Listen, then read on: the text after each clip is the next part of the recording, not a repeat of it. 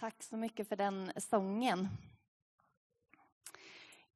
Om kärlek hörde vi att den här sången handlade om. Tänk att jag får älska dig, du som först har älskat mig. Och idag så har vi fått vara med om en vigsel. Och vi har fått fira Devota och Robert och få se er stå här framme och få lova varandra trohet livet igenom. Det finns ju inget vackrare än det. Och då är det så fint att veta att, att Gud är, han är kärlekens Gud. Han firar tillsammans med oss idag. Och jag tänker att Gud är närvarande. Precis som eh, du och jag är här idag så tror jag också att Gud är det. Och inte bara här i den här kyrkan som lokal. Gud är inte mer, mer här. Han är med oss hela tiden. Gud är en eh, vardagens Gud också. När, eh, när barnen gråter, när livet inte blir som man planerat. Jag tänker att det är det som är livet, eller hur? Och då är Gud mitt där också. Och eh, vi hörde i sången Vilken underbar värld. Precis när livet är som, ja, när livet är som det är så är Gud där och med oss. Och i min predikan så vill jag tala om just kärleken. Och jag vill läsa ifrån första Johannes brev 3 och 16 där det står så här. Genom att Jesus gav sitt liv för oss har vi lärt känna kärleken. Korset är den plats där Gud eh, gav sitt liv och vi firade det för en vecka sedan och vi fick se barnen på filmen här när de sprang med palmblad för att illustrera hur det var den första, eller den påsken då Jesus dog för, för hela mänskligheten. Det var fest förra veckan när vi firade påsk. Barnen sprang runt här inne och delade ut påskliljor. Och det är fest idag. Och vi firar samma sak, vi firar kärleken. På korset så visade Jesus att han älskar människorna. På korset visar Jesus att han, att han eh, är del av den här världen och att han till och med lider och dör för våran skull, för att visa oss sin kärlek. Och idag så firar vi vigsel och, och bröllop och kärleken är påtaglig även bland oss. Vi firar kärleken på lite olika sätt, men, men samma kärlek. För kärleken kommer ytterst sett ifrån Gud. Och när jag tänkte på den här stunden idag så, så vill jag säga någonting kort först om vad den kärleken från Gud har betytt för mig i mitt liv. Jag har, jag har varit kristen typ egentligen så länge jag kan komma ihåg. Att jag på det sättet alltid har trott att det finns någon större makt än jag själv. Och när jag var liten så lärde mig mina föräldrar att be, att prata med Gud och att jag förstod att Gud finns där. Men det var inte förrän när jag blev ung vuxen och livet liksom på, blev lite på riktigt för mig och saker och ting blev också väldigt jobbiga och tunga. Det var då som jag upptäckte att tron på Gud också bär mig. Att det också är en tro som ger, ger mig möjlighet att gå vidare. Och man brukar, man brukar säga ungefär att så här att, att eh, Jesus bor i mitt hjärta. Det hörde jag när jag var liten att Jesus bor i mitt hjärta. Och det där kan vara lite svår, svårt att förstå liksom. Men jag tänker att det är, en, det är någonting man säger för att visa att han är så nära som det bara går. Att Gud är aldrig långt borta från oss. Inte från någon av oss, står det faktiskt i Bibeln. Gud är inte långt borta från någon av oss. Även om vi inte alltid är medvetna om det eller uppmärksamma på det, så tror jag att han är det. Och eh, när man tror på Jesus, när man tar emot honom, då så säger Bibeln så här att, att eh, den heliga ande, Gud själv, faktiskt flyttar in i våra liv. Alltså är med oss hela tiden. finns ingen stund i ditt liv där Gud inte finns med. Och det för mig har varit en, en otrolig tröst och hjälp många gånger. Eh, när jag är orolig för saker, när jag eh, grubblar när jag inte kan sova på natten eller när jag vaknar tidigt på morgonen och tankarna sätter igång direkt och jag oroar mig för dagen eller för någonting som ska hända längre fram. Då tänker jag ofta, åh Gud, tack för att du är med. Tack att jag kan säga de här sakerna som jag oroar mig för och veta att det är någon som hör. Men också att jag kan eh, lämna över problemen till Gud. Inte så att de försvinner. Det hade ju varit jättehärligt om det var så, men det vet vi ju att så är det inte. De försvinner inte, men Gud är med och bär de där bekymren som jag också bär på. Eller när livet blir så där man känner, åh, varför gjorde jag så? Varför sa jag så? Eller varför blev den här situationen så dålig och jag ångrar mig eller jag känner att jag har gjort någonting fel. Då är det också så skönt att få komma till Gud och säga förlåt. Och veta att Gud inte ser snett på mig. Att Gud inte tänker, det där var typiskt dig Linnea, att du gjorde det där. Nej, min tro på Gud är att han ser på mig med kärlek alltid och att han ser vad som blir fel, men han förlåter. I Bibeln står det att Gud är rättfärdig och att han förlåter oss alla synder. Att han förlåter oss, det är också kärlekens Gud. Men också att han aldrig ger upp på mig. Att det aldrig är kört. Att Gud alltid ger oss möjligheten att gå vidare. Att det som till och med går sönder i våra liv, det som blir trasigt, det kan Gud ta i sina händer och forma någonting nytt. Han kan skapa någonting vackert av det som går sönder. För det är kärlekens Gud och han är med oss alla dagar. Och jag tänker att det finns en mening med våra liv. Och den är att leva i gemenskap med Gud, men också leva i gemenskap med varandra. Och det är det vi gör i äktenskapet. Det är det vi firar idag. Att få leva i relation till någon. I Johannes 15 och 12 så står det så här. Det är Jesus som säger det här.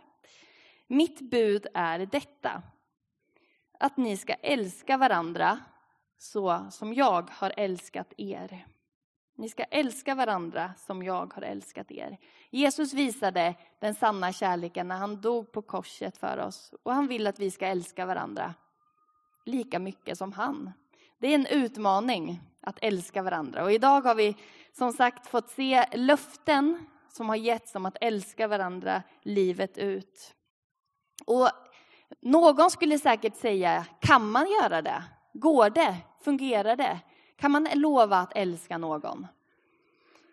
Jag tänker att det är frågor som, som man hör ofta. Att det, inte, att det inte går eller att, att det skulle vara omöjligt. Eller ställer frågan, kan man lita på kärleken? Kan man lita på varandra? Och då vill jag läsa ett ord ifrån Bibeln ett ord om kärleken som jag vill skicka med till Robert och Devota. Och som också står faktiskt på vigselbeviset. Det får ni se sen när ni tar fram det. Det står ifrån första Korintierbrevet 13. Då står det så här om kärleken. Kärleken är tålmodig och god. Kärleken är inte stridslysten, inte skrytsam och inte uppblåst. Den är inte utmanande, inte självisk, den brusar inte upp och vill inte någon något ont. Den finner inte glädje i orätten, men gläds med sanningen. Och de här orden särskilt. Allt bär den, allt tror den, allt hoppas den, allt uthärdar den. Det, mina vänner, kärleken.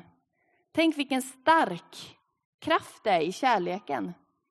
Allt tror den och allt hoppas den, allt uthärdar den. Kärleken är stark. Vi kan, vi kan tro på kärleken. Eh, men precis som allt levande behöver tas om hand så behöver också kärleken det. Och här har jag en liten illustration. I min förra predikan i påsk, påska så hade jag också med mig en liten växt och det har jag idag med. Ni förstår att det är ju tider då man odlar saker, så då blir det så. Det här är en eh, växt. Jag vet inte om någon kan se vad det är för växt. Är det någon som vågar sig på att chansa? Det luktar väldigt gott. Va? Det här är faktiskt en basilika. Lite småbladig basilika. Men den luktar väldigt gott. Och jag tänker så här om kärleken, att kärleken är lite som en basilika. En gåva eh, som, som vi får ta emot, men som vi också behöver ta hand om. Och eh, vi behöver vattna den. Vi behöver se till att den står framme i ljuset. Vi kan inte ställa undan den i en garderob och tänka att den kommer nog överleva. Att tänka ungefär som att eh, jämförelsen med, med idag, med vigseln, att ja, men nu har vi gift oss, nu, kan vi, nu klarar det nog sig kärleken själv och så ställer man undan, utan att man måste tänka och vårda kärleken och vårda den här. Och det som är fint med den här blomman just, eller med den här växten, det är att den är väldigt ärlig. Det betyder att om inte jag vattnar den här växten så kommer det mycket snart visa sig, bladen kommer se ledsna ut. Och det tänker jag om äktenskapet och kärleken också. Att vara ärliga med varandra och att eh, våga säga att nu behöver vi lite vatten i vårt äktenskap. Nu behöver vi ta hand om varandra. Eh, och att vårda varandra. Att den inte bara... Eh, Helt, en, en del växter är ju sådana också. Att de inte syns att de mår dåligt. Och sen helt plötsligt så, så bara har bladen ramlat av. Men det som är fint med basilikan, det är just att det syns om man behöver göra någonting. Och den, jag tänker att Robert och Devota, ni ska få den här sen med er. inte som ett prov på någonting, ni behöver inte vara oroliga att jag ska komma och titta hur den ser ut. Men den kan få påminna, den kan påminna om, om kärleken. Men man behöver inte vara rädd att kärleken att, eh, man, jag, jag vill också säga just det, att kärleken är stark. Man kan tro på kärleken. Eh, jag gifte mig för 20 år sedan. Det kan man inte tro, för jag är ju så ung, eller hur? Men, eh, men faktum är att det är sant. I september så firar vi 20 år bröllopsdag och jag var 21 när jag gifte mig. Eh, och jag kommer ihåg att jag då tänkte att nu älskar vi varandra så mycket som man kan älska varandra. Vi var ju superkära i varandra. Vi hade varit tillsammans i fyra år då, så vi var väldigt unga när vi blev ihop. Men jag kan konstatera efter 20 år nu ändå att trots allt det så tänker jag att kärleken har vuxit. Att vi har lärt oss om varandra, vi har varit arga på varandra, irriterade på varandra. Det har hänt massa saker. Men, men den har vuxit. Och den ser inte likadan ut nu som då, men att den här plantan man har, att den behöver ljus, den behöver vatten. Och genom livet så har det varit olika utmaningar. Eh, när barnen var små till exempel, jag tänker att det är en särskild utmaning att och då vill jag säga till er, ta hjälp av varandra, ta hjälp av andra människor runt omkring er, barnvakt. Eh, att se till att eh, ja, men att hjälpa varandra och inte tänka att ja, men det klar, vi klarar det, vi klarar det, utan att verkligen våga och ta hjälp så att ni kan få ha egna kvällar tillsammans, äta middag på tu man hand. Det betyder väldigt mycket. För oss har det betytt jättemycket att under hela tiden tänka så att vi måste prioritera varandra. Vi måste sätta varandra eh, först för att det också är för barnens skull i längden. Man behöver inte ha dåligt samvete för det, tänker jag. Men att vårda varandra. Och ni är ju en tvåbarnsfamilj, Robert och Devota. Eh, Braven kom till er för ett år sedan. Och eh, ni träffades 2020, om jag inte minns fel, via nätet. Och eh, Devota bodde i Linköping och eh, du, Robert, bodde i Skänninge. Ödeshög, förlåt, jag blandar alltid ihop. Jag ber om ursäkt. Ödeshög. Men ni möttes och kärleken liksom uppstod och ni började träffas och eh, bestämde er för att ni ville leva tillsammans. Och sen har ni längtat efter den här dagen, det vet jag, och ni har eh, velat att den här dagen skulle komma. Och nu är den här till slut, den dagen när ni fick gifta er med varandra. Och även lilla Blessing, hon har kommit hit också, eh, Devotas dotter. Och ni är en, en eh, tvåbarnsfamilj. Och det här har utmaningar, men det är också en stor välsignelse. Fantastiskt att få se er familj tillsammans, tycker jag. Vi är så glada för er, att ni har eh, ja, delat gemenskapen med oss under den här tiden när ni har bott i Motala också. Ehm, det sista bibelordet jag vill läsa det är ifrån Galaterbrevet. Och det talar om kärleken. Andens frukter är kärlek, glädje, frid, tålamod, vänlighet, godhet, trofasthet, ödmjukhet och självbehärskning. Det, talar om kärleken som en frukt, som någonting som växer fram. Nå, inte någonting man kan bestämma, nu ska det komma kärlek, eller, utan det är någonting som man får vårda och sen så växer kärleken. Och det vill jag säga till Devota och Robert också, att när ni tar hand om det så växer det kärlek. Och Gud vill ge er kärlek. Jag tänker att många gånger så har jag bett Gud, lär mig att älska. Jag har bett många gånger, lär mig att älska Mattias, alltså min man. Hjälp mig Gud, nu, jag behöver kärlek från dig, jag behöver hjälp att älska. Det är inget konstigt. Gud är kärlekens Gud och han vill ge oss kärlek. I alla våra relationer, även andra relationer, kan vi få be Gud om kärlek. Och när vi gör det är min upplevelse att man ofta faktiskt får det. Att man får hjälp att ha tålamod.